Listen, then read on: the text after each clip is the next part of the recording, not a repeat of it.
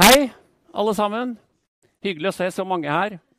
Mange, at mange er så interessert i samhandling og arbeidsinkludering. Det er veldig flott. Velkommen til konferanse. Eh, det er den andre konferansen som vi holder i Integrate. Temaet for denne konferansen er den utfordrende integreringen, samfunnsutfordringer og forskningsutfordringer i utvikling av helhetlige forløp mot arbeidslivsdeltakelse. Vi to er Tone Alm Andreassen og Espen Dahl, og vi leder Integrate. I 2017 fikk Oslo OsloMet Storbyuniversitetet i samarbeid med Høgskolen i Innlandet midler fra Forskningsrådet til å bygge opp et såkalt kjerneforskningsmiljø. Vi skal komme tilbake til hva vi har lagt i det. da. Og hvordan samhandling kan bidra til bedre arbeidsinkludering for marginaliserte grupper i arbeidslivet. Vi skulle utbygge, utvikle forskning, og vi skulle bygge et eh, forskningsmiljø. Bygge forskningskapasitet på et område som i hvert fall inntil da, 2017, var ganske underutforsket. Men en stor samfunnsutfordring. Vi har vært tilknyttet Kompetansesenter for arbeidsinkludering ved Oslo OsloMet, KAI, og Kompetansesenter for offentlig innovasjon ved Høgskolen i Innlandet. Og begge har da etablert en samarbeid med Nav. Nå har jeg glede av å gi ordet til de to som skal åpne konferansen. Vi har vært så heldige å få Oddgeir Aasland, som er dekan på Oslo Mets fakultet for samfunnsvitenskap og leder av styringsgruppa for Kompetansesenter for arbeidsinkludering. Det er den første som skal på. Nummer to er Yngvar Aasholt. Han er eh, kunnskapsdirektør i Arbeids- og velferdsdirektoratet og eier av Navs samarbeidsavtale med universiteter og høyskoler, i, disse, i dette tilfellet da KAI og KOI. Da gir jeg ordet til deg først, dekan Oddgeir Aasland. Da kan du få mikrofon her. Vær så god. Tusen takk. Hører dere meg? Så bra. Eh, og takk for anledningen til å åpne denne konferansen. Og eh, gratulerer så mye til, eh, til Espen og, eh, og, Tone. Dette er en konferanse som mest av alt minner oss om betydningen av langsiktig og forutsigbar forskning. Eh, jeg har fulgt dette integrert fra starten av, sett måten det starta på. Det er egentlig en ganske liten grunnbevilgning eller støtte i bånn her som har gjort det mulig å bygge opp veldig sterke og gode fagmiljø. Eh, og jeg syns det er særlig flott å, å, å se eh, den måten en gjennom dette har drevet med kunnskapsoverføring eh, mellom forskergenerasjoner. Eh, det er tydelig i den boka som blir lagt fram her i dag men eh, også tydelig det arbeidet som har vært. Så det er et samarbeid mellom mentorer eh, som, eh, som, driver med artikkel, artikkelarbeid, har vært helt slående å se. Eh, og som vi vil få mange illustrasjoner på. Så eh, tenkte jeg når jeg skulle nærme dette spørsmålet om hva, hva skulle jeg si innledningsvis i dag, så er jeg litt prega av at jeg i går kveld, i går ettermiddag, var på Oslo poesifestival. Og temaet for Oslo poesifestival, det var Ungarn og ungarske og russiske poeter. Eh, og, og, og, og, Ukraina, unnskyld. Og det som er slående da, er jo den situasjonen som vi har i Europa, den situasjonen som vi, som vi er i nå. Eh, og som kommer til å slå inn i velferdsstaten vår med veldig stor kraft i årene framover. Eh, og et av de påminningene som, som, denne konferansen er om for meg, det er påminninga om at velferdsstaten er en sysselsettingsmaskin. Den er en sysselsettingsmaskin som er basert på menneskesvette, for å sitere Arne Garborg. Og en av de store utfordringene som vi står, står i framover, det er hvordan vi skal sikre det arbeidsmarkedsbehovet som er der. Denne konferansen er et ledd i det arbeidet som vi driver med for å sikre og bygge velferdsstaten vår. Men det er også sånn eh, at eh, at denne konferansen er en påminning om betydningen av si, arbeidet som, som, identitet. Arbeidet som meningsbærende institusjon. Og Noe av det som jeg syns har vært slående også i måten dere har bygd opp forskninga og forskninga på dette på, det har vært måten dere har prøvd å integrere og ta med stemmene til de folka som velferdsstaten er retta inn mot. Eh, og som vi også sikkert vil få en del eksempler på utover dagen. Så for meg så er dette en ganske stor og fin dag å se, se denne markeringa her, og en fin, fin og, og, viktig dag for, for Oslo Mette-fakultetet vårt. Så gratulerer med dagen, og så gir jeg ordet videre til Yngvar. Vær så god, Yngvar.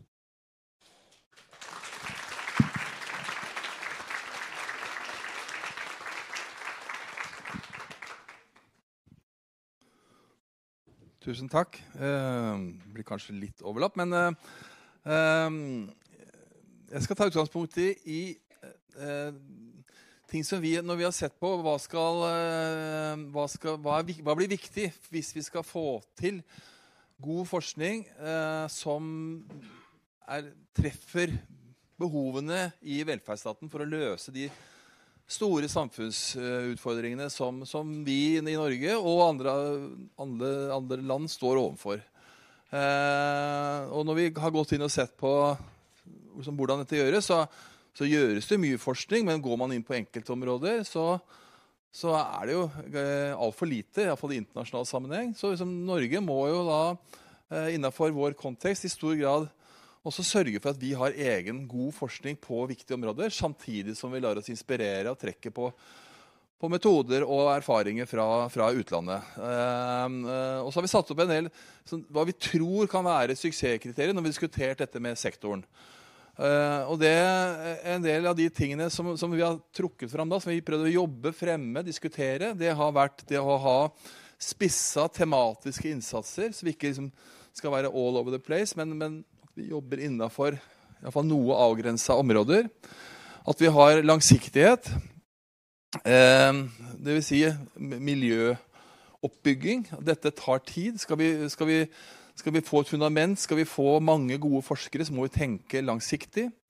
Eh, vi ønsker å også fremme nye generasjoner forskere som kan eh, komme inn, se ting med andre øyne og sørge for at vi har kraft også framover. Ehm, vi har ønska tverrfaglighet mellom ulike miljøer. Det har vært ganske vanskelig å få til. Eh, utgangspunktet. Det, eh, vår sektor er veldig, er veldig silobasert, eh, også internt i sånn som Nav. Men det er jaggu meg også forskningsverden ofte. Så det å få til frivillig samarbeid det er ikke helt uten videre at det glir av seg selv. Og så har vi vært opptatt av eh, at eh, eh relevans eh, eh, At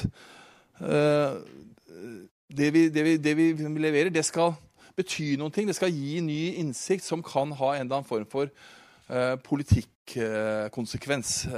det trenger ikke alltid være sånn helt nedpå bits and bites. Men bør, vi ønsker jo fra Navs side Det vi trenger, er jo forskning som kan hjelpe oss, oss videre i det arbeidet vi driver med i samarbeid med, med andre.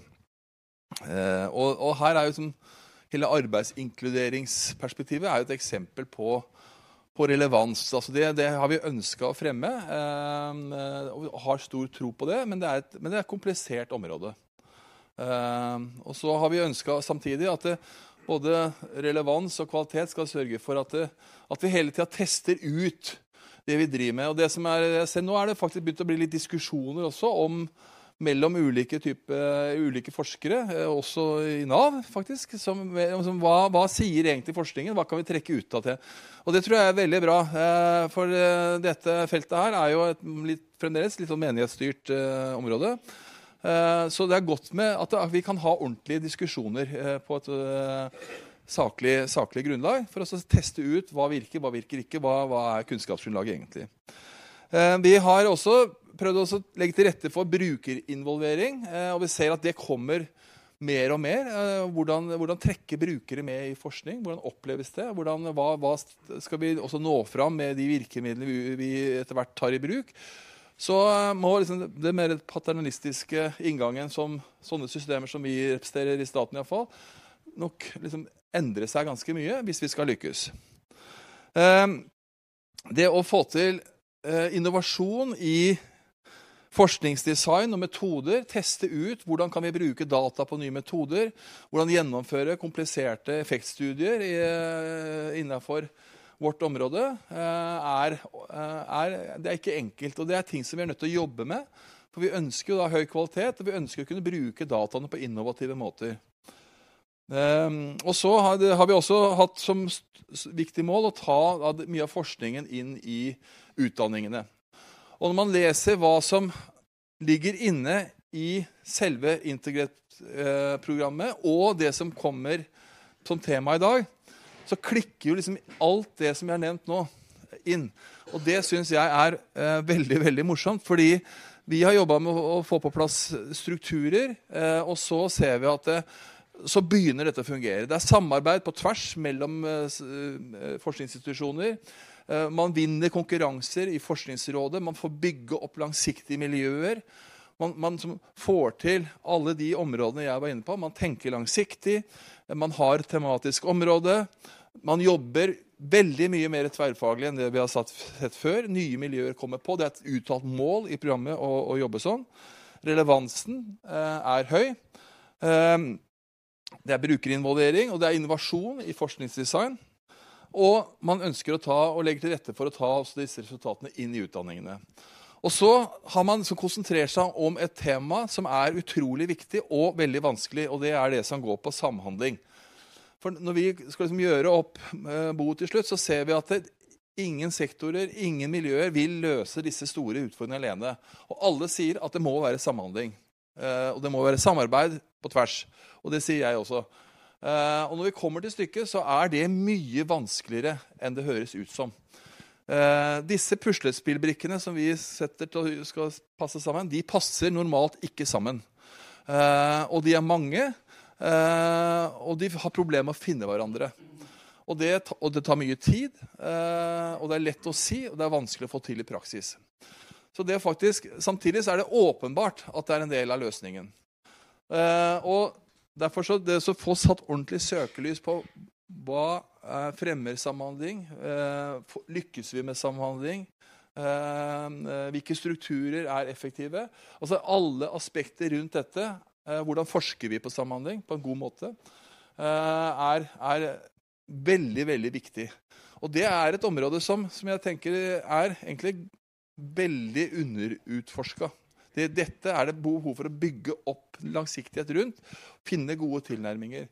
Så jeg håper jo at dette er liksom, vi har kommet et stykke på vei, men at dette bare er begynnelsen på liksom, langsiktig om, satsing på den type forskning. For det, det, vi, det, det kommer til å være helt avgjørende at vi også kan kunnskapsbasere den delen av eh, innsatsen. Så gratulerer med dagen. Det er eh, veldig morsomt å være her. Eh, og jeg gleder meg til fortsettelsen. Takk.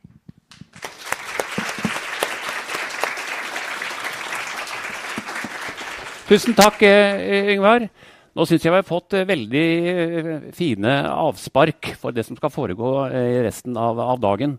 Eh, men før dere eh, forlater podiet for godt, vær så snill å komme opp igjen, og så skal dere få en liten presang for at dere eh, åpna denne konferansen for oss. Og hva annet kan det være enn den boka som skal presenteres etterpå?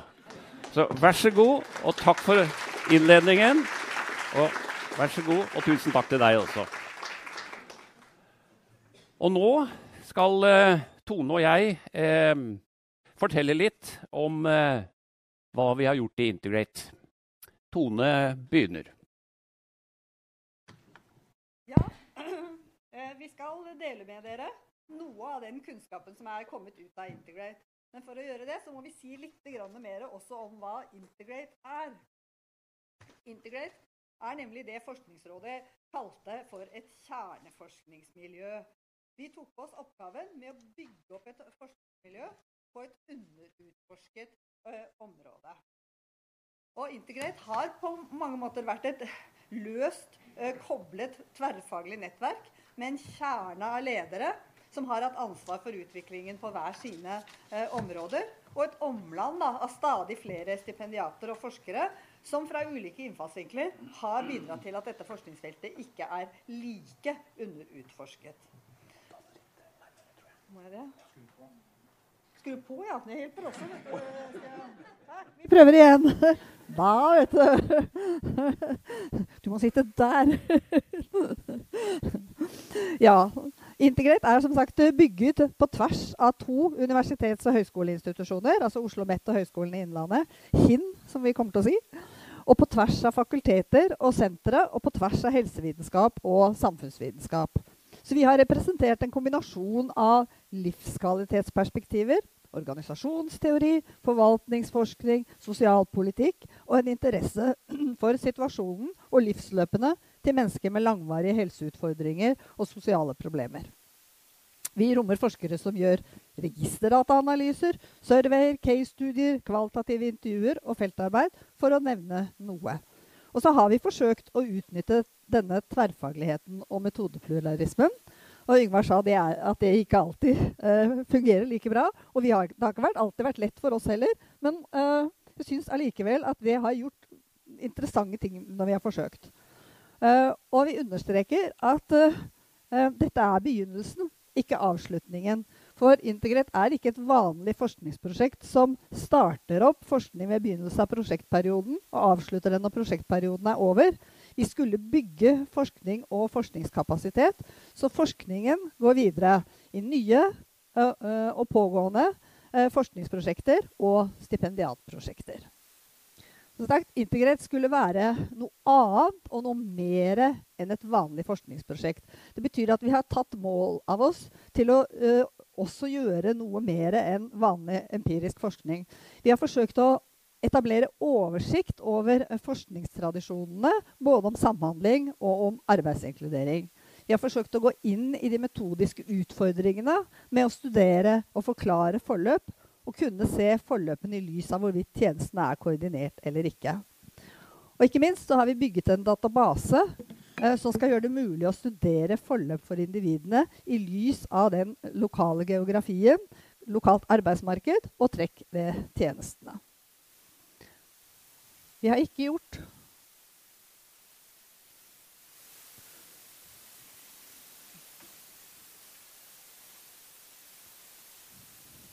Takk.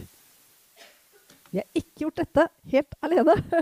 Vi har hatt eh, eh, et tverrfaglig panel av internasjonale eksperter som også har representert en sånn pluralisme i tilnærmingene til feltet. Noen har hatt hovedvekt på sosialpolitikk. Eh, og velferdsforskning. Andre har hatt sin faglige tyngde i organisasjons-, og styrings- og ledelsesforskningen. Og flere har hatt føtter i flere leire. Overskriften på Integrate var 'Pathways to Work'. Achieving coordinated services in work integration of groups on the margins of the labor market. Det var altså noen spesielle kjerneelementer i det vi skulle bygge opp forskning omkring. Det skulle handle om grupper som er marginalisert i arbeidslivet, som er i utsatte livssituasjoner og trenger innsats fra flere aktører. Det skulle handle om pathways, altså om forløp. Og disse forløpene skulle gå inn i arbeidslivet. Det var et spesielt endepunkt vi var opptatt av. Uh, og det skulle handle om koordinerte tjenester, om hva slags innsats fra ulike aktører som er viktig for å muliggjøre gode forløp inn i arbeidslivet, eller eventuelt over i en verdig uføretrygd. Så den innledningen vår skal forsøke å dreie seg om uh, disse fire elementene. De marginaliserte, forløpene, arbeidslivet og tjenestekoordineringen. Men også om noen av de forskningsutfordringene som dette uh, forskningsfeltet representerer. Så vi tegner med litt bred pensel uh, og legger spesielt vekt på de si, kjernemiljøoppgavene som vi har tatt på oss. Så etter lunsj får dere mye bedre innblikk i den konkrete forskningen som er gjort, som er samlet i denne antologien, som vi er veldig stolte av. Den som da heter 'Samhandling og inkludering i arbeidslivet'.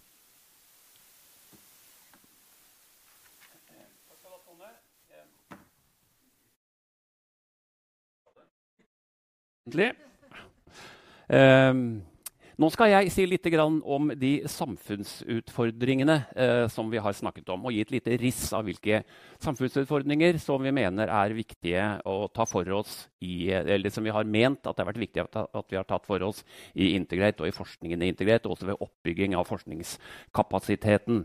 Til enhver tid er det sånn ca. 20-25% av den yrkesaktive befolkningen som befinner seg eh, utenom arbeidsmarkedet i Norge. Og denne prosenten den er holdt seg temmelig stabil de siste 10-20 åra. Eh, da må vi huske på at eh, det er ikke alle som er permanent utenfor. Ca. en tredjedel av dem som er utenfor, er der eh, midlertidig. De mottar sykepenger, er på vei eh, eller er, eh, blir på en måte tatt hånd om av velferdsstaten på litt eh, ulike vis, og en del kombinerer også arbeid og trygd. Og dette sier også litt om den omfattende innsatsen som velferdsstaten setter inn for å hjelpe de som strever med å få et fotfeste i arbeidsmarkedet. Um, så det er, jo, det er, jo, på en måte en positiv trekk i dette. Eh, sett i internasjonalt perspektiv så er også sysselsettingen eh, ganske høy, relativt høy i, i Norge. Men li, eh, likevel så er det et øyenfallende trekk at en stor andel av dem som rapporterer om funksjonsnedsettelser eller kronisk sykdom, befinner seg utenfor arbeidslivet. Dette kommer bl.a.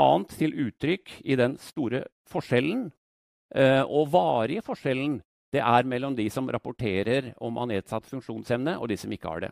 Vi ser her at eh, fra 2006 til 2020 så er det ca. 75 som, eh, av de da, som ikke rapporterer om en nedsatt funksjonsevne, som er yrkesaktive.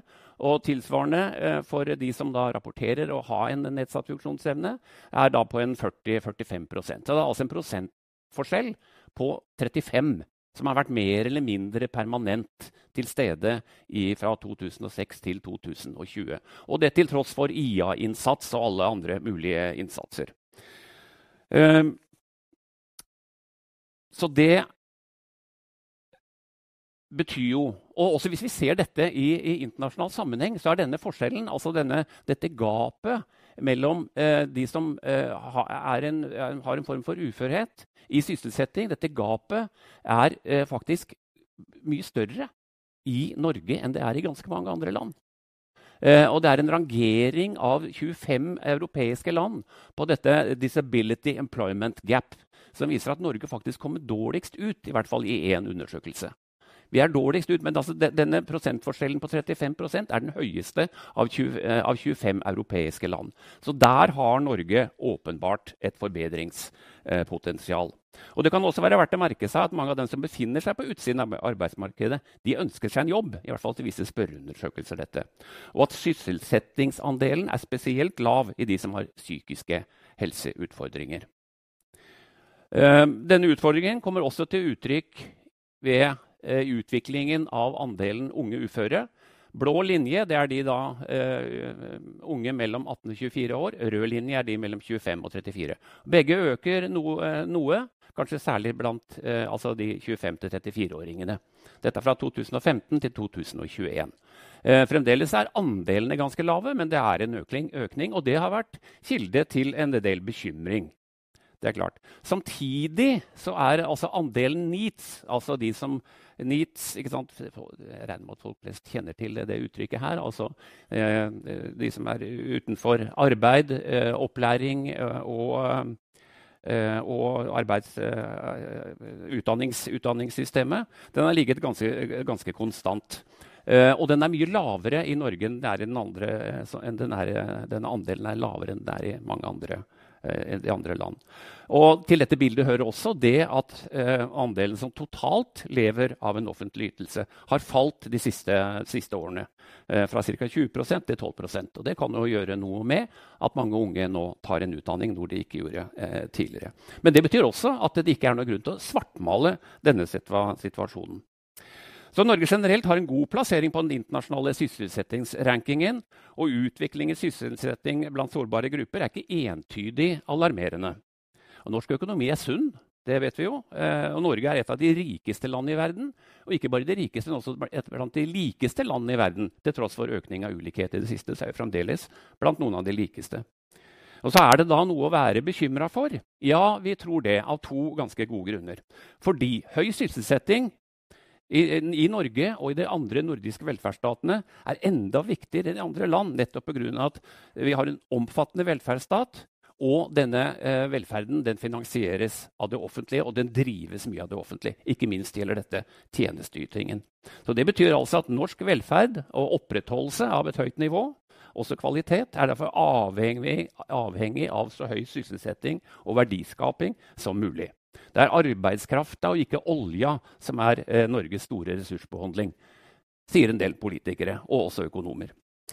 Det er det ene, altså det samfunnsmessige, samfunnsøkonomiske poenget. Det andre er at det også er individuelt gunstig for mange. Arbeid med anstendige arbeidsvilkår vilkår, har for den enkelte borger mange positive følger. Altså Både når det gjelder livskvalitet og når det gjelder levekår. De har en inntekt å leve av for de fleste, følelse av å høre til, en meningsfylt tilværelse, Følelse av å være til nytte, sosial tilhørighet, og det gir struktur i hverdagen. Dette er klassiske positive psykososiale virkninger av å være i arbeid. Og I den senere tid er det også framhevet at i hvert fall eh, arbeid med gode betingelser og, og brukbart arbeidsmiljø det kan både ha en helende kraft på sykdom og fremme helse.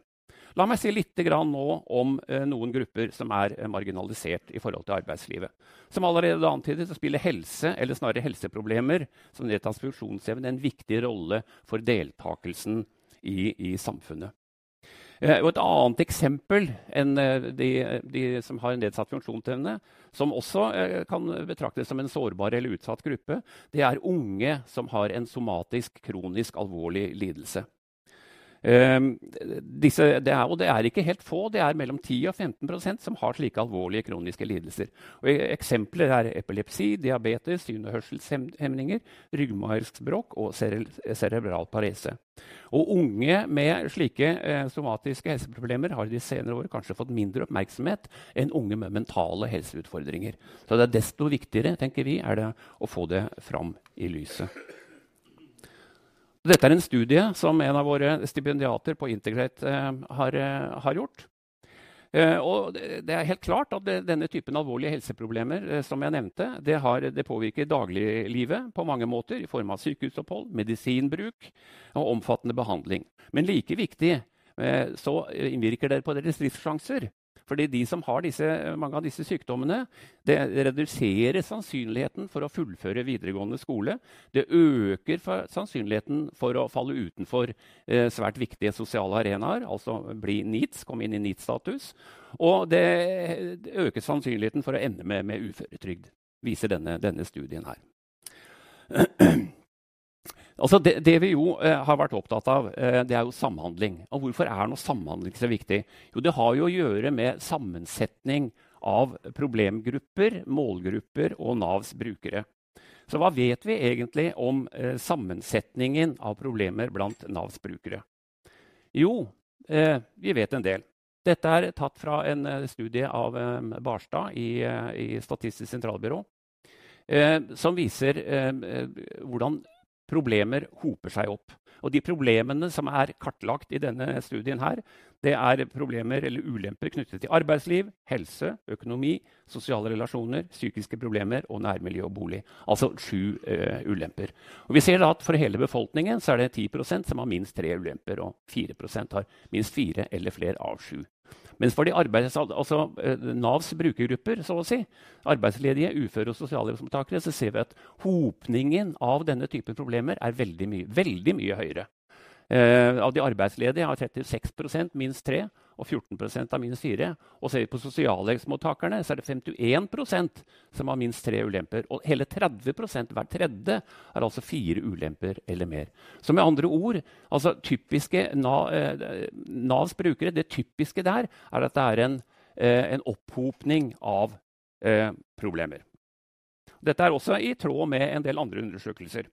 Eh, og På denne bakgrunnen så kan vi jo si da, i og med at, dette, at Navs brukere har virkelig problemer, så kan vi jo si at velferdsstaten, dvs. Si i dette tilfellet si Nav, de virker etter hensikten. Det fanger opp store eh, folk som har store, sammensatte problemer og har behov for ulike typer hjelp. Innsatsen går ikke til dem som ikke trenger det. Eh, når vi ser på tall som dette her.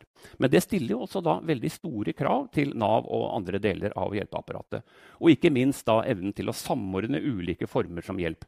Helsehjelp, hjelp til utdanning, hjelp til opplæring, økonomisk rådgivning, sosial støtte og hjelp til å utvikle sosiale ferdigheter, eh, som nok er viktig for mange, og ikke minst blant sosialhjelpsmottakerne, som vi vet fra tidligere undersøkelser.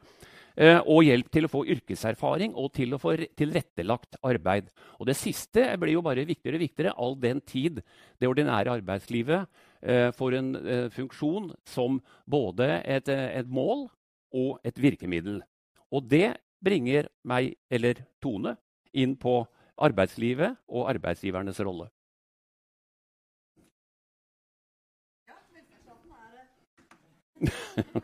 Da prøver vi igjen.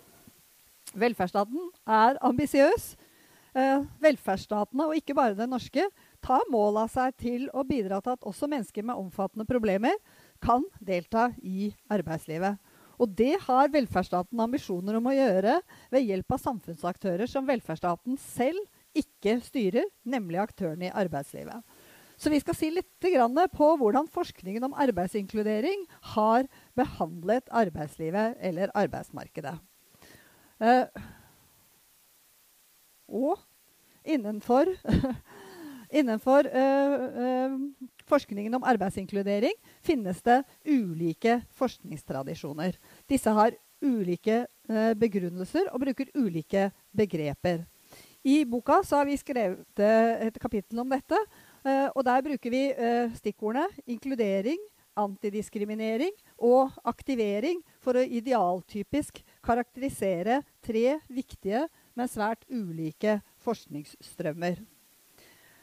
Det positivt ladede begrepet inkludering det viser til en forskning som tar utgangspunkt i at arbeidslivet er en viktig samfunnsarena som mennesker med helseproblemer eller funksjonsnedsettelser ikke skal ekskluderes fra, men tvert imot inkluderes inn i. Og her er forskningen opptatt av intervensjoner og virkemidler som muliggjør inkludering. Uh, det er på mange måter en forskning som springer ut av helseforskningen. Også intervensjonene de kan omtales som uh, arbeidsrettet rehabilitering eller tilbakeføring til arbeid. Men også supported employment og individual placement and support har utspring her. Arbeidsgiverne er i denne tradisjonen noen som Nav og andre kan involvere i inkluderingsoppgaven gå i dialog med, skape og tilrettelegge arbeidsplasser sammen med. Begrepet antidiskriminering viser til en forskning som på mange måter deler dette normative utgangspunktet eh, med inkluderingsforskningen. Eh, og det understreker i tillegg arbeidslivsdeltakelse som en rettighet borgerne har, også borgere med helseproblemer og funksjonsnedsettelser. Utspringet her er funksjonshemmingsforskningen, og tanken om at funksjonshemmede utestenges eh, fra arbeidslivet pga. stigmatiserende holdninger og diskriminerende praksiser. Så innenfor denne tradisjonen er arbeidsgiverne aktører som både kan og bør pålegges og forpliktes til å ta ansvar, og eventuelt også kan motiveres til det, fordi mangfold i arbeidsstokken kan betale seg i renommé eller kreativitet, f.eks. Aktiveringsbegrepet viser til forskning som studerer den aktive arbeidsmarkedspolitikken, og som del har et mer kritisk blikk på politikk for økt arbeidslivsdeltakelse. Og særlig da eh, på politiske virkemidler som legger press på innbyggere i sårbare livssituasjoner. Og denne forskningen har et utspring i sosialpolitiske eh, eller velferdspolitisk forskning. Og det er arbeidsmarkedspolitikken altså, eller sosialpolitikken og, og klientmøtene i førstelinjen som har fått mest oppmerksomhet eh, innenfor denne forskningstradisjonen, og ikke i så stor grad det som skjer i arbeidslivet og på arbeidsplassene. Men vi mener likevel at vi ser en dreining mot arbeidslivet i den internasjonale forskningen. Vi ser at aktiveringsforskningen er blitt opptatt av eh, det som vi kaller for employer engagement, altså hvordan også arbeidsgivere kan aktiveres inn i inkluderingsarbeidet antidiskrimineringsforskningen, som lenge har kartlagt arbeidsgiveres holdninger til funksjonshemmede, er nå også blitt mer opptatt av kulturen og kulturene på arbeidsplassene. Og inkluderingsforskningen er opptatt av å utvikle intervensjoner som går lenger inn i tilrettelegging av arbeidssituasjonene og arbeidsplassene. Så hvordan kan eh, velferdsstatens eh, og velferdsstatens fagfolk nærme seg arbeidslivet og arbeidsplassene? Et viktig forsøk ligger jo nettopp i metoder som supported employment og uh, individual placement and support. Og disse tilnærmingene har medført arbeidsoppgaver og stillinger som velferdsstaten ikke tidligere har hatt. Jobbspesialistene, som har i oppgave å åpne arbeidsplasser for mennesker som man godt kan se for seg at ikke står øverst på arbeidsgivernes ønskeliste når de skal rekruttere nye ansatte. Det sies at aktiveringsarbeid er basert på en underutviklet kunnskapsbase. Det gjelder jobbspesialistene, men også mer generelt.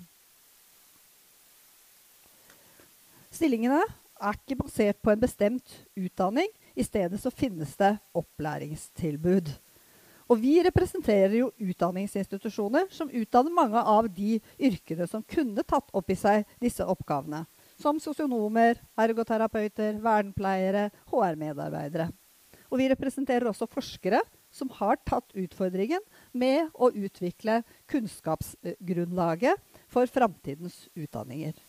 Men vi er langt fra ferdig med å utvikle kunnskapsbasen for slike oppgaver. Så det er en forskningsutfordring å jobbe videre med. Så hva med forløpene, Espen? Forløpene inn i arbeidslivet. Forløpene, ja. Jo, altså livsløpsperspektivet det står jo sentralt i mye av samtidens samfunns- og ikke minst også helse, helseforskning. Så Teoretisk og metodisk kan vi skille ut to skoler eller retninger tror jeg vi kan si, innenfor dette livsløpsperspektivet. Én skole studerer livsløp eller forløp som overganger i hovedsak fra en tilstand til en annen. Fra utdanning til arbeid, fra avhengighet til selvstendighet, fra å være enslig til å inngå ekteskap. Og noen overganger er relativt eh, entydige, som å få barn f.eks. Det, det skjer én gang eller flere ganger hvis man har flere barn, det er, og det er ikke noe som går over. som regel. Overgang, overgangsanalyse eller life event-analyse som beregner overgang fra en tilstand til en annen, er en nyttig statistisk metode eh, i slike tilfeller. Men veien, veiene mot yrkesdeltakelse går, eh, er ofte ikke eh, slike enkle skifte fra én tilstand eller status til en annen fra status som på arbeidsavklaringspenger f.eks. Eh, til statusen jobb. Ofte er det snakk om lange og langt fra rettlinjede forløp.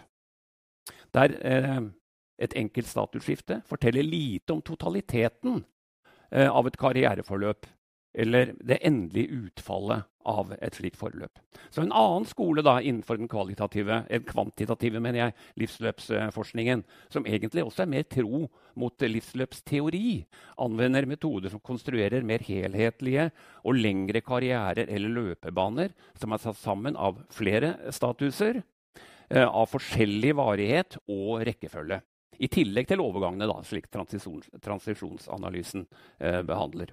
Og Dermed tillater da sekvensanalysen som vi straks kommer tilbake til, en avbilde av langt større kompleksitet enn det tradisjonelle overgangsanalyser gjør. Eksempler på slike tilstander som man kan fange opp og lage eh, klynger av i sekvensanalysen, er utdanningsaktivitet, ulike typer arbeidsforhold, mottak av ulike typer ytelser og bruk av forskjellige tjenester og tiltak. Her er noen av de studiene eh, vi har gjort i Integrate som som, eh, som, tar opp i seg dette eh, forløpsperspektivet, livsløpsperspektivet, og også bruker eh, metoder, sekvensanalyser, for å studere da, mer helhetlige forløp, og ikke bare overganger. Og jeg tenker at Dersom man er opptatt av Nav-brukernes kompleksitet og sammensatte problemer, som vi akkurat har, snakka om, og ikke-lineære forløp, altså litt ut av arbeid, litt inn i arbeid, og på en annen type ytelse, inn i det, det dårlige arbeid, inn i arbeid med, med, lavere inntekter, over i arbeidsledighet og sånn. Eh, og vi er opptatt av fenomener som tilbakefall, svingdørsproblematikk og runddals i hjelpeapparatet, så er sekvensanalysen særlig godt, annet, eh, særlig godt egnet. Eh, og siden vi Integrate da har i hovedsak har forsøkt å rette søkelyset mot pathways to work, altså veier til arbeid, og for grupper med eh, sammensatte behov er veien sjelden rettlinjet og fører sjelden raskt og direkte fram til målet, altså arbeid. Og dermed, for nettopp når vi, måte, det er måte, gjenstanden for, for, for, utforskningen og analysen, så er sekvensanalysen et veldig nyttig eh, analyseverktøy. Og la meg gi noe eksempel på en, en, slik studie som vi har gjort. Det vi har brukt sekvensanalyse og sett på de helhetlige forløpene. Vi har brukt registerdata til å se på løpebanene til eh, flere utsatte grupper. Eksempler er unge sosialhjelpsmottakere, som jeg viste dere på den faksimilen av en av artiklene. Unge voksne som ikke har gjennomført videregående skole, og unge mottakere av sosialhjelp. Uh, jeg skal, i, jeg, skal, jeg skal, si litt om den studien som er gjort av unge eh, mottakere av arbeidsavklaringspenger. Eh, det, og den, den foreligger i boka, faktisk. Eh, skal vi se om den er eh, der. Det er den ikke. Eh, den er eh, Ja. Nettopp. Ok. Eh, den er i boka, i hvert fall, denne artikkelen. eller kapitlet. Så hvis dere er interessert, så kan dere, kan dere, lese den der. Der står det veldig mye mer enn det jeg har, kan si på denne korte tida. Men det vi i hvert fall gjorde, vi tok for oss altså, eh, alle unge som i andre halvdel av 2010 hadde mottatt arbeidsavklaring, arbeidsavklaringspenger i minst seks måneder. Og så fulgte vi dem i de fire påfølgende årene. To spørsmål vil vi besvare. Hva hadde disse unge med seg i bagasjen da de kom inn på AAP? Og hvordan så deres fireårige løpebaner ut eh, når vi anvender sekvensanalyse? For å svare på det første spørsmålet så sammenlignet vi disse unge eh, mottakerne av arbeidsavklaringspenger med alle andre unge ut, som ikke mottok eh, arbeidsavklaringspenger. Så vi sammenlignet eh, altså, altså, disse to eh, med hensyn på flere eh, faktorer. Fire trekk er veldig iøynefallende. De unge arbeidsavklaringspengemottakerne har veldig lav utdanning sammenlignet med alle andre unge. Eh, halvparten hadde bare grunnskole av AAP-mottakerne, mot eh, 25 eh, blant ungdom, eh, ungdom, generelt. Altså en forskjell på 25 prosentpoeng. Og de har dårlig helse, og spesielt eh, har de dårlig eh, psykisk helse. innleggelser for psykiske diagnoser der hadde eh, over 60% av mottakerne av arbeidsavklaringspenger hadde ingelse pga. psykiske diagnoser, mens bare 12% av unge generelt. Eh, de unge mottakerne av arbeidsavklaringspenger hadde også en veldig svak tilknytning til arbeidslivet, altså før de kom inn i AAP. Bare 30% hadde en yrkestilknytning. Blant de som ikke deltok på AAP, så var 75 eh, hadde en yrkestilknytning eh, på samme tidspunkt. Og, altså samme, samme, i samme aldersgruppe. Um, så, og Yrkesinntektene var da selvsagt også veldig mye høyere blant dem som ikke mottok AAP. Og, og Ekvivalent til det så var det altså trygdeforbruket da, forut for de ble AAP-mottakere, var veldig mye høyere i denne gruppa enn det, var, uh, enn det var, blant de andre. Og omvendt, altså uh, arbeidsinntekter var mye lavere enn ellers. Og Dette gir et lite innblikk i problemkompleksiteten blant uh, disse brukerne av AAP. Og dermed også behovet for samordna tjenester. Eh, mer arbeidserfaring det er på en måte Navs gebet og, hovedspesialitet. Eh, mange kan trenge mer utdanning. Det betyr samarbeid med utdanningssystemet. Eh, og somatiske og særlig psykiske helseproblemer må håndteres. Og det innebærer samarbeid med helsetjenestene. Ikke bare helsetjenesten, men mange deler, mange ulike deler innenfor helsetjenesten. Så igjen kan vi da si at velferdsstaten ved Nav ved, i dette tilfellet ved Nav, de fanger opp målgruppene. Men målene er jo mer ambisiøse enn bare å, å fange opp. Eh, den tar jo også mål av seg til eh, at de med store eh, problemer og sammensatte problemer skal inn i mer alminnelige forløp i retning av arbeid. Så neste spørsmål da er hvordan det gikk med disse mottakerne. Og en sekvensanalyse viste at vi, det dannet seg fem klynger. Jeg har bare vist dere to klynger som sier noe om eh, hvordan det gikk med dem i de fire årene etter at de begynte på AAP. Vi finner at Den største klyngen av de fem det er altså de, det vi har kalt for AAP-klyngen. Um, um, fargen her det indikerer at de, de fortsetter, fortsetter, med AAP. Uh, også Skal vi se her. Sånn også her nede. ikke sant? Altså Noen går over eh, på ytelser og aktivering, men de aller fleste fortsetter. Eh, og går, Noen går litt ut, men, eh, men de, får, de, kommer tilbake igjen i AAP. Så har vi den som, som det går ganske bra med. Dette, det er 15% altså De får en ganske god inntekt. Vi ser at der forsvinner ikke sant? AAP blir, blir nesten borte. Men det er ingen rettlinjet overgang til liksom, et fast, stabilt yrke med høy inntekt. Det er veldig mye forskjellig. Det er også en del sykepenger inni her. Eh, anstendig Henrik dominerer, men også en del sykepenger. Det er det røde. Og mye, mye fram og tilbake. Ikke sant? Så, så, på en måte så er eh, den konklusjonen vi kan trekke av dette her, det er at eh, Skal vi se det, det, det, fanger opp, men for veldig mange så er det mange som ikke kommer ut av det. Og det illustrerer jo også, for det er også en klynge som altså får aktive arbeidsmarkedstiltak. Men, den, men det gjør ikke disse. For det er en egen klynge. Så det er også en veldig stor klynge. altså Hver tredje kanskje over hver, eller i hvert fall hver tredje AAP-mottaker får ingen aktive arbeidsmarkedstiltak i det hele. Eh, så eh, vi kan kanskje konkludere, eller i hvert fall si at denne undersøkelsen antyder, sier en del om at eh, velferdsstaten ikke alltid er veldig god til å leve opp til eh, sine ambisjoner om hjelp og støtte til arbeid. I hvert fall for mange av disse. Mange av dem som blir fanget opp, forblir i lange, mange og lange, tilsynelatende formålsløse og dels innsatsløse forløp. Um, så vi kan lure på om uh, dette har å gjøre med at det er manglende koordinering av tjenester. Men det kan jo ikke denne undersøkelsen si noe om. Men vi kan i hvert fall spekulere om det. Vi kan lure på om det er sånn. Og nå eh, vil jeg gå over til deg, Tone. Koordineringsproblemer. Koordineringstema. Koordineringsproblemer. Koordineringstema. Ja, for Da vi startet uh, Integrate, så visste vi at det hadde foregått uh, mye forskning om interorganisatorisk samarbeid uh, og tverrsektoriell samhandling. Så vi trodde jo at vi kunne hente mye hjelp ved å gå til denne forskningen. Så det gjorde vi. Vi forsøkte å kartlegge både teoritradisjonene Uh, og den empiriske forskningen rundt samhandling for uh, arbeidsinkludering. Der, ja. Og det viste seg jo selvfølgelig at dette var uh, spørsmål som er behandlet i flere store forskningstradisjoner. Det finnes en omfattende sosiologisk inspirert organisasjonsforskning om interorganisatorisk samarbeid. Her har vært mye opptatt av hva den enkelte organisasjon kan oppnå gjennom å samarbeide. Uh, F.eks. få tilgang til økonomiske ressurser eller kunnskap, eller til legitimitet eller renommé. Og innenfor statsvitenskapen har forskningen om den offentlige forvaltningen, altså public administration, uh, vært opptatt av nettverkstyring og samskaping. Og her er utgangspunktet at dagens samfunn står overfor komplekse problemer som nettopp krever samarbeid på tvers av faglige og sektorielle grenser.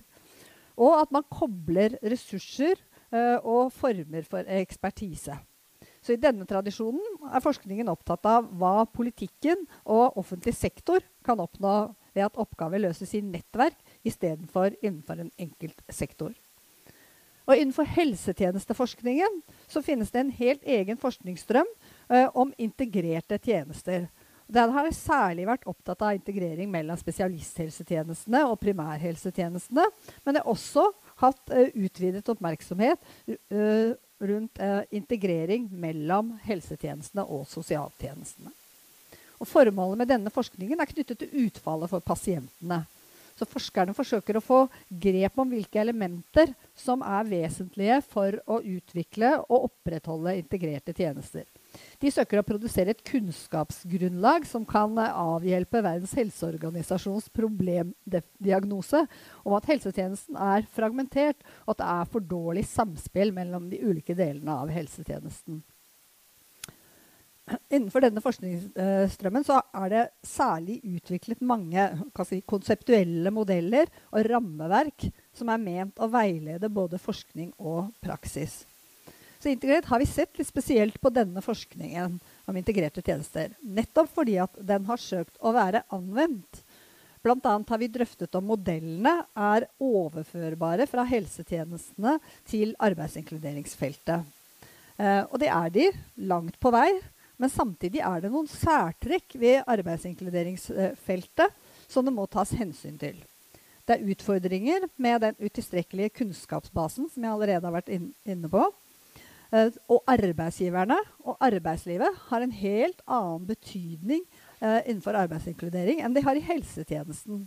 Og ikke minst, samskaping mellom tjenesten og brukerne er helt avgjørende for at man skal lykkes med arbeidsinkludering. Og Vi tror også at det er mye å hente i erfaringene med å implementere og evaluere hva man kan oppnå eh, gjennom å integrere tjenestene. Eh, forskerne der har jo holdt på med det i noen tiår nå. Eh, og de peker på eh, en del utfordringer. for det første at de som er opptatt av resultater, kan ha helt urealistiske ideer om hvor mye tid det kan ta å faktisk få organisasjonsendringer til å bli hverdagspraksis. Uh, Og vel er det hjelpsomt med modeller og rammeverk, men de kan også være vanskelige å implementere. For modellene inkluderer gjerne ikke den eh, variasjonen i lokale kontekster der tjenesteintegreringen skal fungere i praksis. Så hva som fungerer eller ikke fungerer til å skape integrerte tjenester, det er nettopp kontekstavhengig og påvirket av utenforstående faktorer som er vanskelig å gripe gjennom konvensjonelle forskningsdesign. Det betyr jo ikke at vi ikke skal prøve å gripe hva slags betydning tjenesteorganisering kan ha for utfallet for brukerne. Men det betyr at vi må gjøre det med stor respekt for utfordringene i den oppgaven vi tar på oss, og være bevisst begrensningene ved den kunnskapen vi produserer. Så la oss se litt mer på koordineringsutfordringene. Kan vi se. Vi har en uh, spesialisert uh, og sektoroppdelt velferdsstat. Og det er nødvendig når vi har en omfattende velferdsstat som engasjerer seg i mange sider av innbyggernes liv. Men det skaper også da koordineringsbehov når innbyggerne har problemer som ikke lar seg løse av én sektor eller tjeneste alene. I den internasjonale litteraturen snakker man gjerne om et fragmenteringsproblem. Men koordinering da, det kan jo skje gjennom ulike typer mekanismer. Det kan skje helt uformelt og basert på personlig kjennskap, gjensidig interesse, direkte kontakt. Eh, eller det kan skje noe mer formelt gjennom interorganisatoriske nettverk. Koordinering kan også skje på et overordnet nivå uh, ved at det overordnede nivået regulerer virksomheten i en eller, annen, form for plan eller standardisering. Men vi skal se nærmere på to former for eh, koordinering som på en måte representerer ytterpunkter når det gjelder endringskrav til de som skal koordinere seg. Det ene er koordinering gjennom en egen koordinatorstilling, altså en funksjon som krysser grenser mellom tjenester og sektorer for å få til koordinering, men på en måte som gjør at tjenestene som skal koordineres, selv kan fortsette å fungere som før i stor grad. Nav-koordinatorer for lavinntektsfamilier er et eksempel på dette. Det andre er koordinering gjennom sammenslåing, der tjenester som tidligere var organisert hver for seg, blir slått sammen til en ny enhet. Organisasjonsgrensene trekkes på nye måter, eh, og det forventes at den nye enheten skal jobbe annerledes. Nav-reformen er selvfølgelig eksempelet på det. Så litt om Nav som integrasjonsmodell. Nav-reformen er kanskje den viktigste integrasjonsreformen i Norge. For den skulle integrere på tvers av gamle trygd- og arbeidsmarkedsetaten. Og den skulle integrere med den kommunale sosialtjenesten. Reformen skulle bidra til avklaring og hjelp mot arbeidslivsdeltakelse uavhengig av om brukerne mottok en statlig eller kommunal ytelse.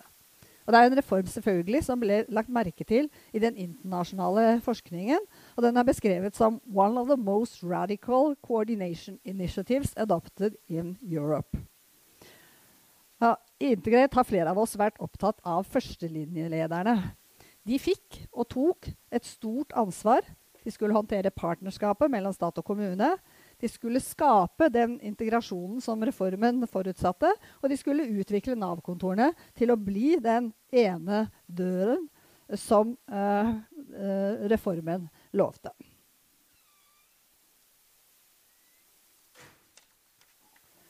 De ambisiøse Nav-kontorene, som startet tidlig, de måtte snart vende seg bort fra reformambisjonene og mot de konkrete situasjonene som kontorene sto oppi.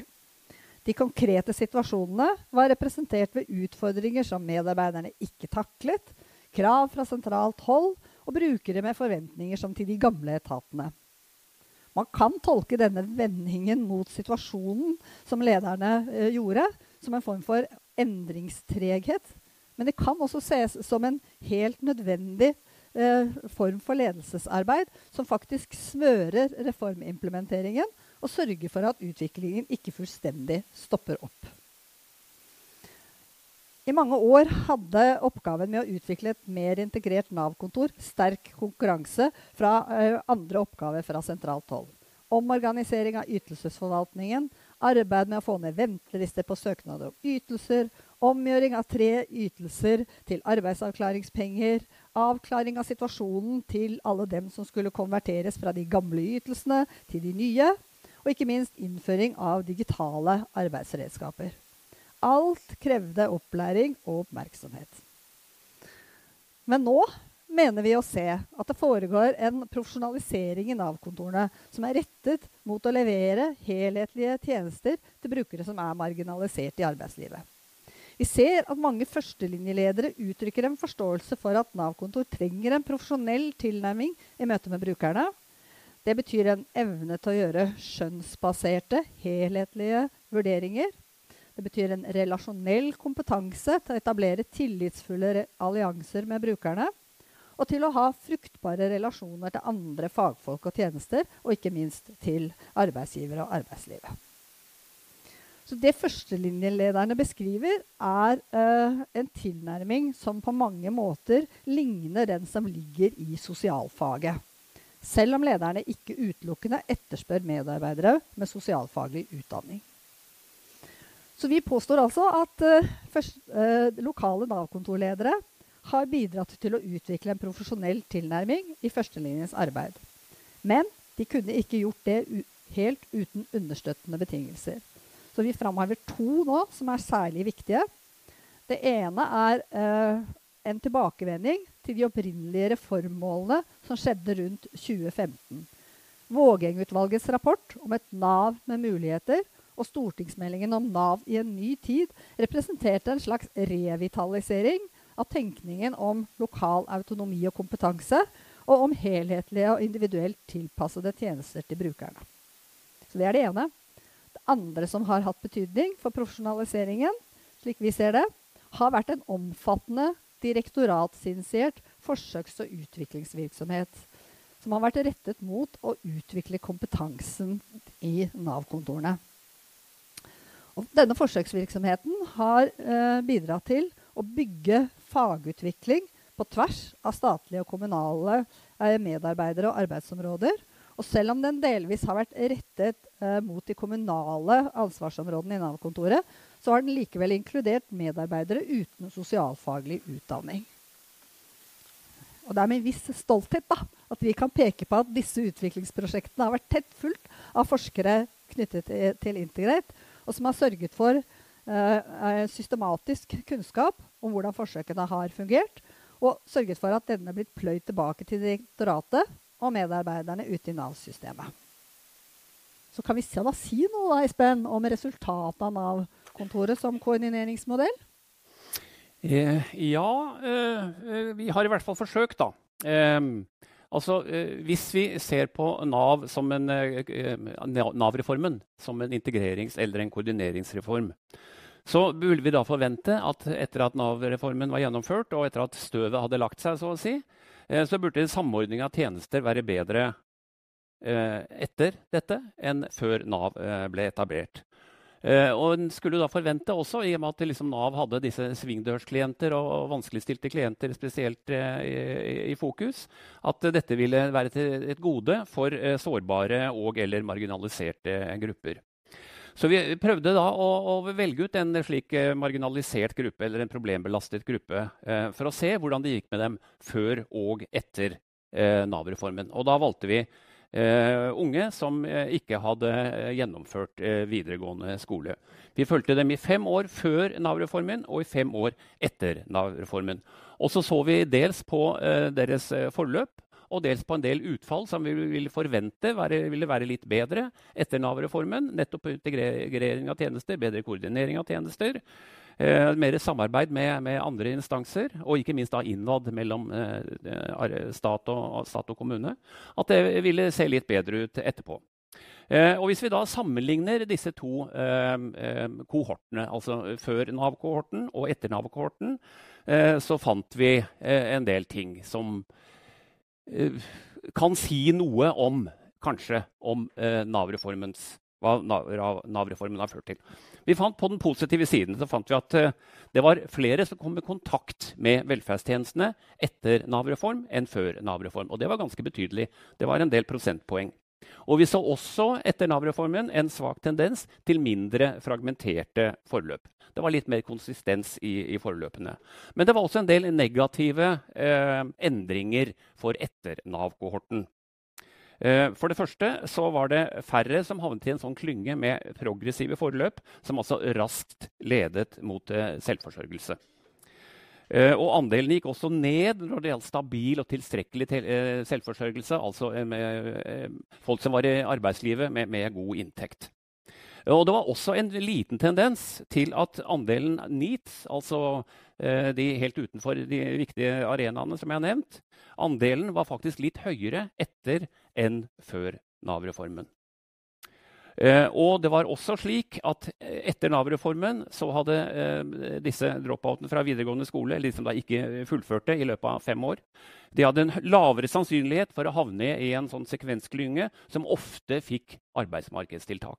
Så det var altså mindre grad av eh, arbeid, tilbud om arbeidsmarkedstiltak eh, for etter Nav enn før Nav. Eh, og det var også en ganske sterk økning i andelen som var foreløp preget av passive ytelser uh, i den uh, etter, etter, Nav enn en før Nav. Altså Som jeg viste i stad. Altså, de mottar ikke aktive arbeidsmarkedstiltak. Og andelen i den klynga var høyere etter enn før. Uh, så Samlet sett så viser denne analysen da at de gunstige konsekvensene en skulle anta skulle følge etter Nav-reformen, i form av bedre tjenesteintegrering, ikke kan gjenfinnes hos denne gruppa av sårbare unge, altså de som da ikke har videreført videregående skole. Men 10 000-kronersspørsmålet er jo da altså hvordan skal vi tolke disse funnene? Og I motsetning til om vi hadde kjørt en, en, et randomisert kontrollert forsøk på dette, så er jo ikke alt annet likt. Snarere tvert imot. Det er veldig mye som er forskjellig før og etter Nav-reformen. Eh, så vi kan ikke uten videre svare på spørsmålet om hva som ville skjedd dersom Nav-reformen ikke hadde funnet sted. Noe som RCT-ene eh, kan gi svar på. da. Så da må vi drøfte da mulike, uh, mulige ulike kilder til de forskjellene som vi, som vi, har uh, identifisert i denne analysen. For det første kan det være forskjeller mellom kohortene. Altså de unge som, uh, som ikke videre, fullførte videregående skole før, sammenlignet med, med etter Nav. Altså at det, at det var flere med dårlig helse, eller flere innvandrere, eller hva det måtte være. Og vi har jo i registerdataene en rekke variable som måler en del av disse tingene. Så, men når vi kontrollerer for disse individuelle sammensetningene, så forklarer ikke de de forskjellene som vi har sett. Eh, men også i, i, slike tilfeller så vil det alltid være uobserverte eh, forskjeller. Vi kan ikke kontrollere, kontrollere for alt. Så, så, så, det kan vi på en måte ikke ta høyde for. Men i hvert fall det vi kan kontrollere for, det forklarer ikke altså den sammensett, sosiale sammensetningen, at den er annerledes etter enn før, forklarer ikke de funnene våre.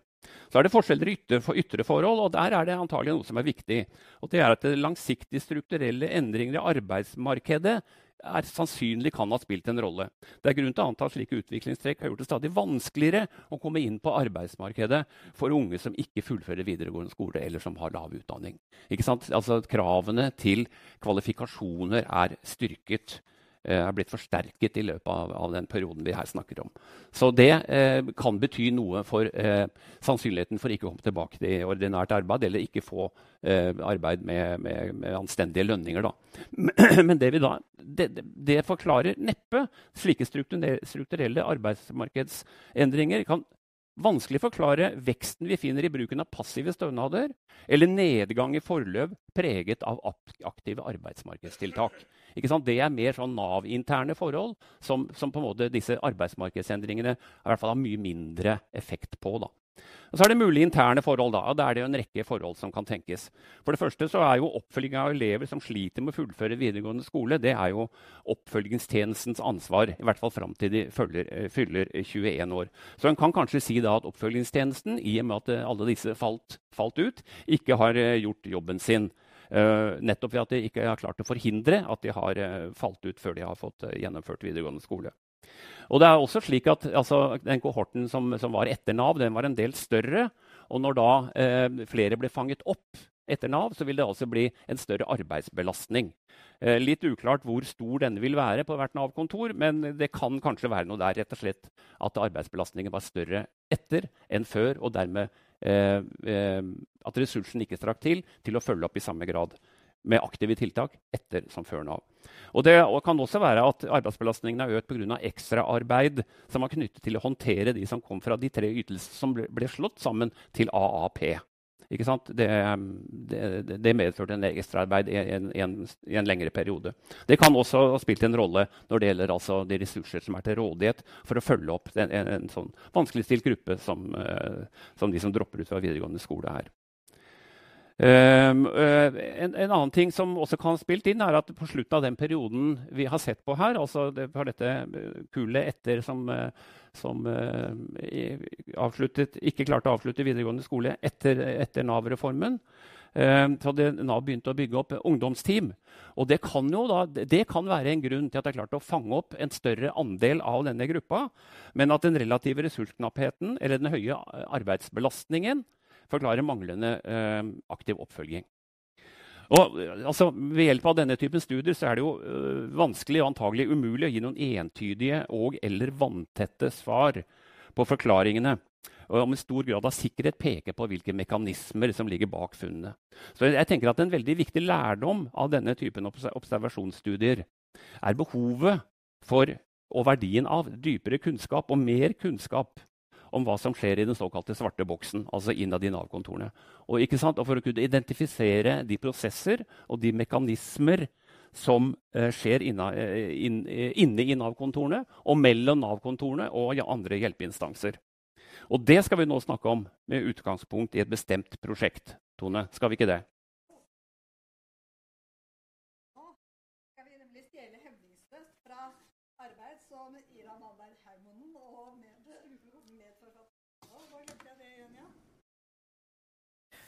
Jeg sier vi skal stjele hemningsløst fra et arbeid som Ira Malmberg Heimonen eh, og eh, mange andre forskere har gjort, nemlig eh, en, eh, deres analyser av eh, en koordineringsmodell eh, hvor det var en egen familiekoordinator som skulle følge opp lavinntektsfamilier, det såkalte HOLF-prosjektet. og hensikten med HOLF-prosjektet var å forhindre at fattigdom går i arv, og utvikle og prøve ut en modell som bedrer innsatsen for eh, lavinntektsfamiliene. Og målet var at foreldrene skulle bli i stand til å forsørge barna av seg selv gjennom arbeid og klare å håndtere sin egen økonomi.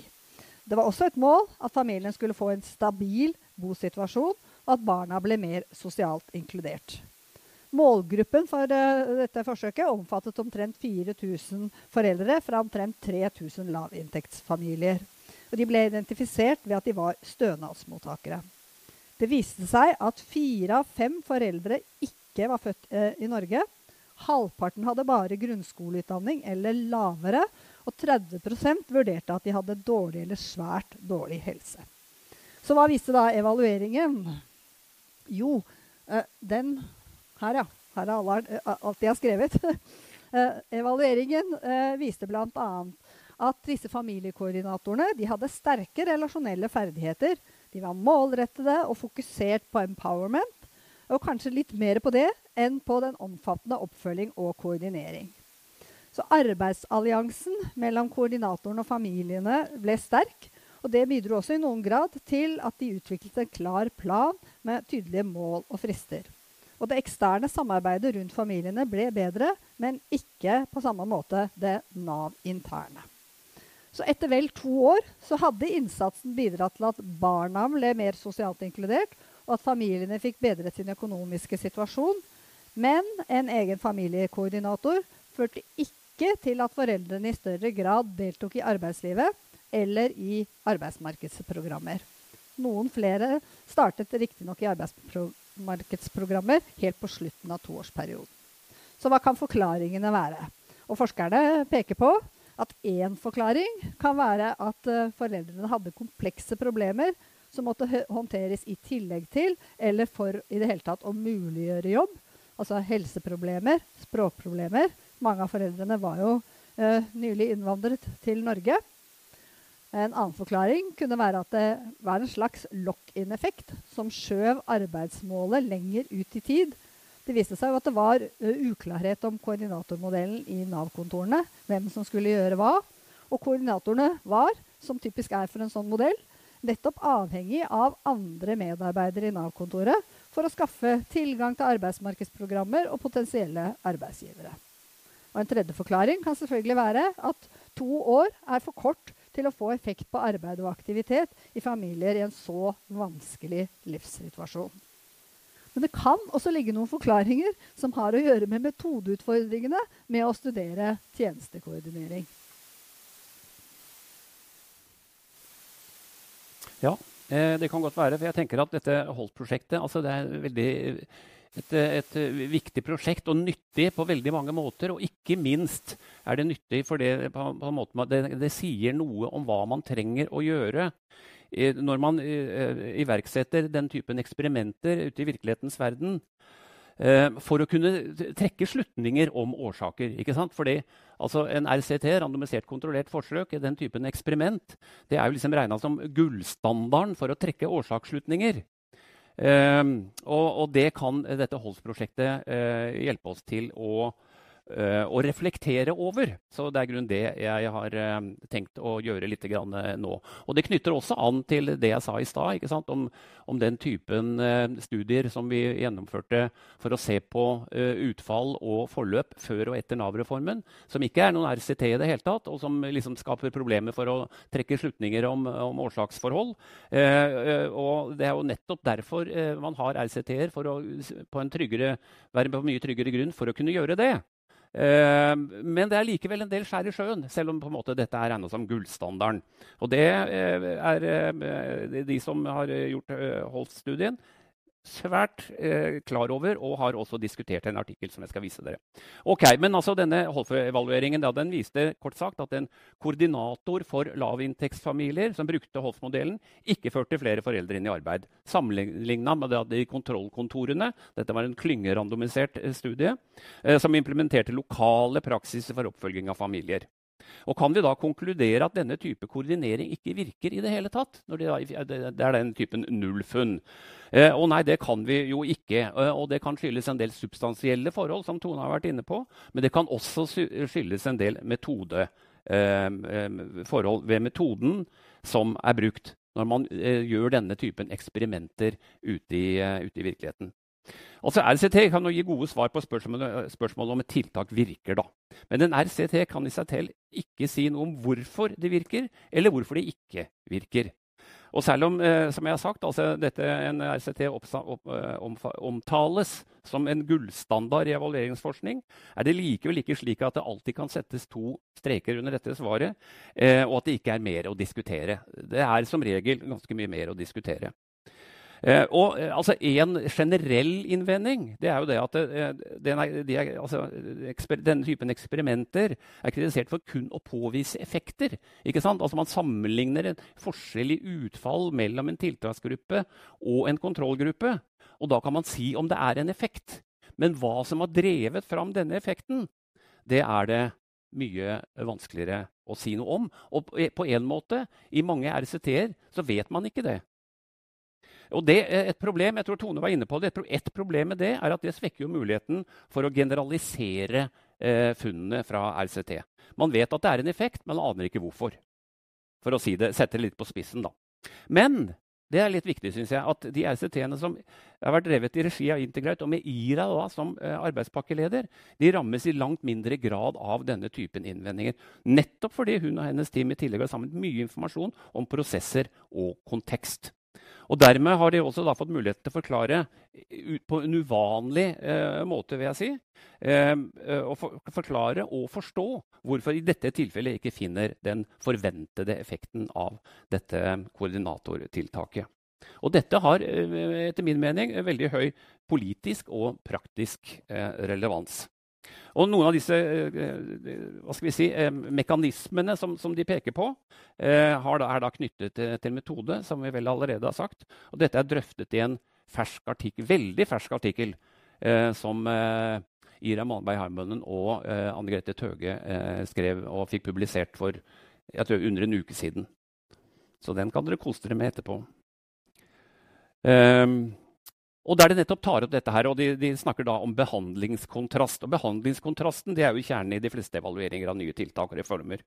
Og Den effekten som skapes som måles i en RCT, det er jo en forskjell som sagt, mellom to utfall. Tilbake i jobb eh, mellom, for eksempel, da, eh, mellom en tiltaksgruppe og en kontrollgruppe. Eh, og det essensielle da er at Behandlingskontrasten den kan identifiseres. Den er målbar, og den er i tråd med det man ønsker å måle effekten av. Svak behandlingskontrast kan skyldes flere forhold, f.eks. For manglende implementering og koordinering i eksperimentgruppa. I så fall eh, er det ikke teorien om en bestemt type tiltak eller eh, intervensjon eh, som er avkreftet, men at doseringen er tilstrekkelig, eller at blandingsforholdet er feil. Og, men dette er litt sånn etablert kunnskap da, på, på, dette feltet. Og tas eh, ofte i praksis tas, tas det hånd om eh, med den, eh, altså at man eh, fidelity-målinger, altså at man er trofast mot manualen som ligger til grunn for tiltaket. Og at man har en programteori, og så kan man sjekke om den programteorien på en måte er fulgt. da, eh, i, i, den utstrekning at uh, man på en måte får den Eh, eh, den, den, årsaken som man skal måle effekten av. Men, men det er, dette her er, jeg si, er, er litt sånn kom il få i, i, i, i, slike studier. En annen og mindre påaktet mulighet som er knyttet til metode, det er jo at kontrollgruppa i ganske stor grad tilbyr det samme tjenester, samme intervensjoner, samme tiltak som de faktisk gjør i, i, i tiltaksgruppa. Altså kontrollgruppa, Det de gjør der, ligner veldig mye. Og Det kan f.eks. skyldes smitte. Altså at de, de i sammenligningsgruppa får kjennskap til hva som foregår i tiltaksgruppa, og på en måte innretter og, og dimensjonerer og styrker tiltakene deretter fordi de ikke vil være, være, noe, være noe dårligere. Men, det, men, det, men, det, men altså, dette poenget er også kjent i evalueringsforskningen. Eh, men det man da jo trenger, er egentlig at man trenger å vite ganske nøyaktig og ha god kunnskap om hva som faktisk foregår i eh, kontrollgruppen. Altså hva er det som faktisk er business as usual? Eh, så eh, i det som er fint da, med, med denne artikkelen og, og, ellers i Holf, det er jo at det, disse kildene, alle disse kildene, da, altså metodekildene og de substansielle kildene til det at det ikke er noe funn, ikke er et, er et positivt funn, ikke er en positiv effekt, det er i så fall mønstergyldig, vil jeg si, når det gjelder å finne disse forklaringene på manglende eh, tiltakseffekt. Uh, og når det gjelder denne koordineringen, er det mye som tyder på at tiltaksgruppa ikke skiller seg særlig fra business as usual. Uh, og det kan være en viktig eh, årsak til fravær av tiltakseffekt. Og i så fall, hvis dette er riktig, da, så er ikke den riktige konklusjonen at en koordinator ikke virker slik teorien forutsetter. Slik en være, kunne være fristet til å konkludere dersom man ikke hadde denne kunnskap om hva som foregikk i business as usual. Eh, men at det faktisk er like, koordineringen er, på, er, likeartet i, i, begge grupper. Og da kan man jo ikke si at nei, koordinering virker ikke. Men den kan virke som bare det. Men den virker like godt i begge grupper. Så men poenget, poenget igjen da, tenker jeg, altså, det er at man må vite veldig mye mer enn det som er vanlig når man, driver, når man gjør en RCT. Så man må vite også veldig mye hva som er business as usual, hva som foregår i kontrollgruppa. Og dette er en av de veldig mange viktige lærdommer som, som jeg mener vi kan høste fra dette Holf-prosjektet hva som foregår i den svarte boksen, hva som foregår innad, som man kan eh, avdekke både med kvalitative og kvantitative metoder. Man må vite noe om prosesser og mekanismer, både i tiltaksgruppa, men det samme også i kontrollgruppa.